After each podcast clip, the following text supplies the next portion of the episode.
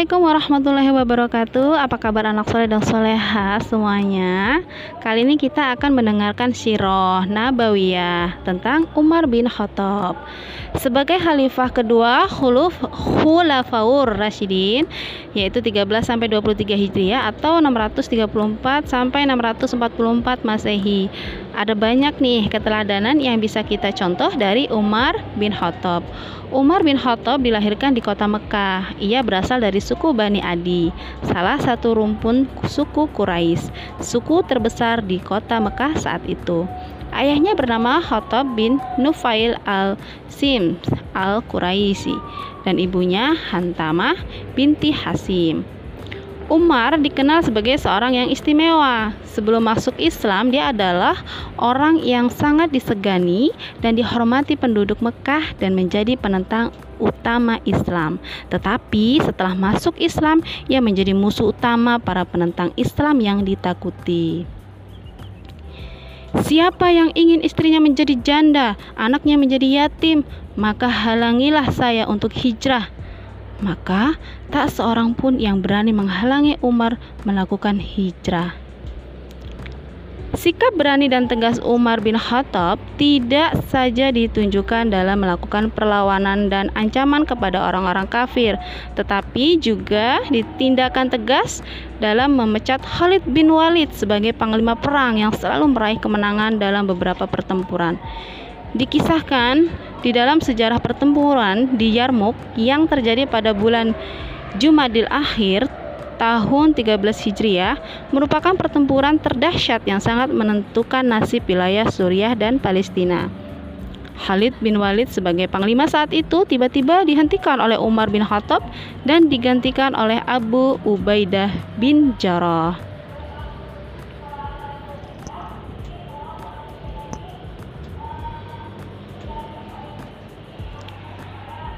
Khalid bin Walid dikisahkan sebagai seorang yang kelewat bernafsu di medan tempur dan tidak menimbang nyawa. Itulah salah satu faktor yang menyebabkannya dipecat. Umar berkata kepada Khalid, "Saya memecat Anda bukan karena ragu akan kemampuan Anda, tetapi karena orang-orang telah terpesona oleh Anda hingga Anda akan didewakan orang-orang." Kultus inilah yang dikhawatirkan Umar bin Khattab karena akan mengganggu keikhlasan Khalid dalam berjihad. Meskipun belakangan diketahui bahwa hal itu diterima dengan lapang dada oleh Khalid bin Walid dengan mengatakan, "Saya berjihad bukan karena Umar, tetapi karena Allah."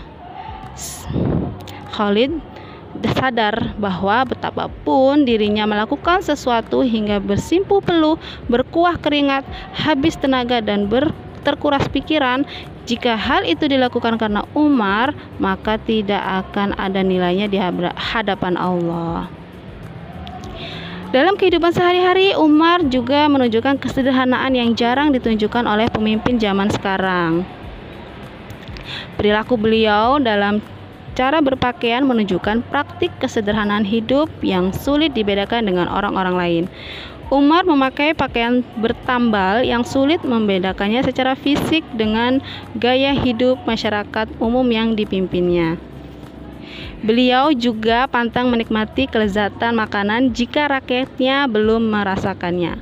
Pada suatu hari, Umar menerima bingkisan makanan dari pembesarnya di daerah. Kepada utusan itu, Umar menanyakan, "Apa ini?" Makanan ini biasa dibikin oleh penduduk Azerbaijan, ujar utusan itu. Dan sengaja dikirim untuk Anda dari Atabah bin Farqad.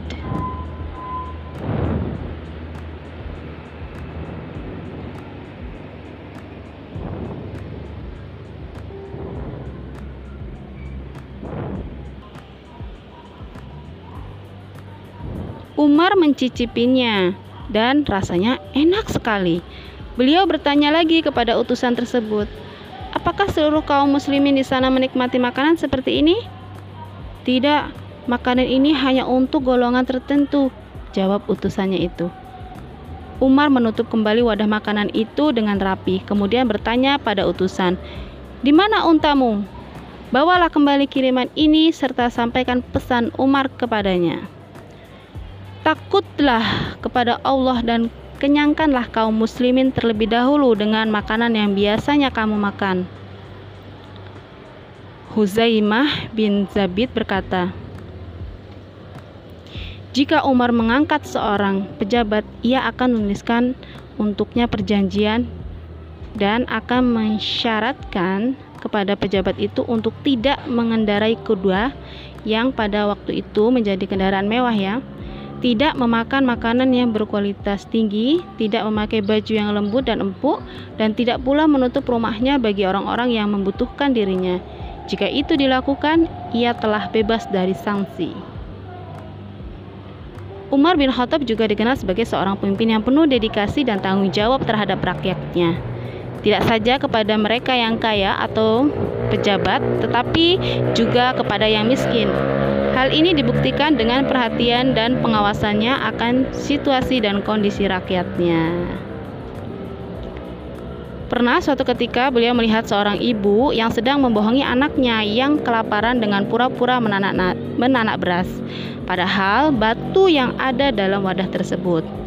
Melihat hal tersebut, Umar mengambil gandum dan beliau pikul sendiri. Bahkan ketika pengawalnya menawarkan untuk memikulnya, Umar mengatakan, "Apakah kamu akan menjerumuskan aku ke dalam neraka karena telah menelantarkan rakyatku dan membiarkannya kelaparan?" Tindakan dan ucapan ini menjadi bukti tanggung jawab Umar yang benar-benar memahami tugas dan kewajiban pemimpin dan hak-hak rakyat yang harus didahulukan, bukan sebaliknya. Nah, demikian syirah tentang Umar bin Khattab. Semoga e, kisahnya bisa menjadi teladan bagi kita dan dapat kita jalani di keseharian kita. Apalagi kita uh, suatu saat jika menjadi seorang pemimpin. Oke, terima kasih anak-anak untuk hari ini. Ibu akhiri wassalamualaikum warahmatullahi wabarakatuh.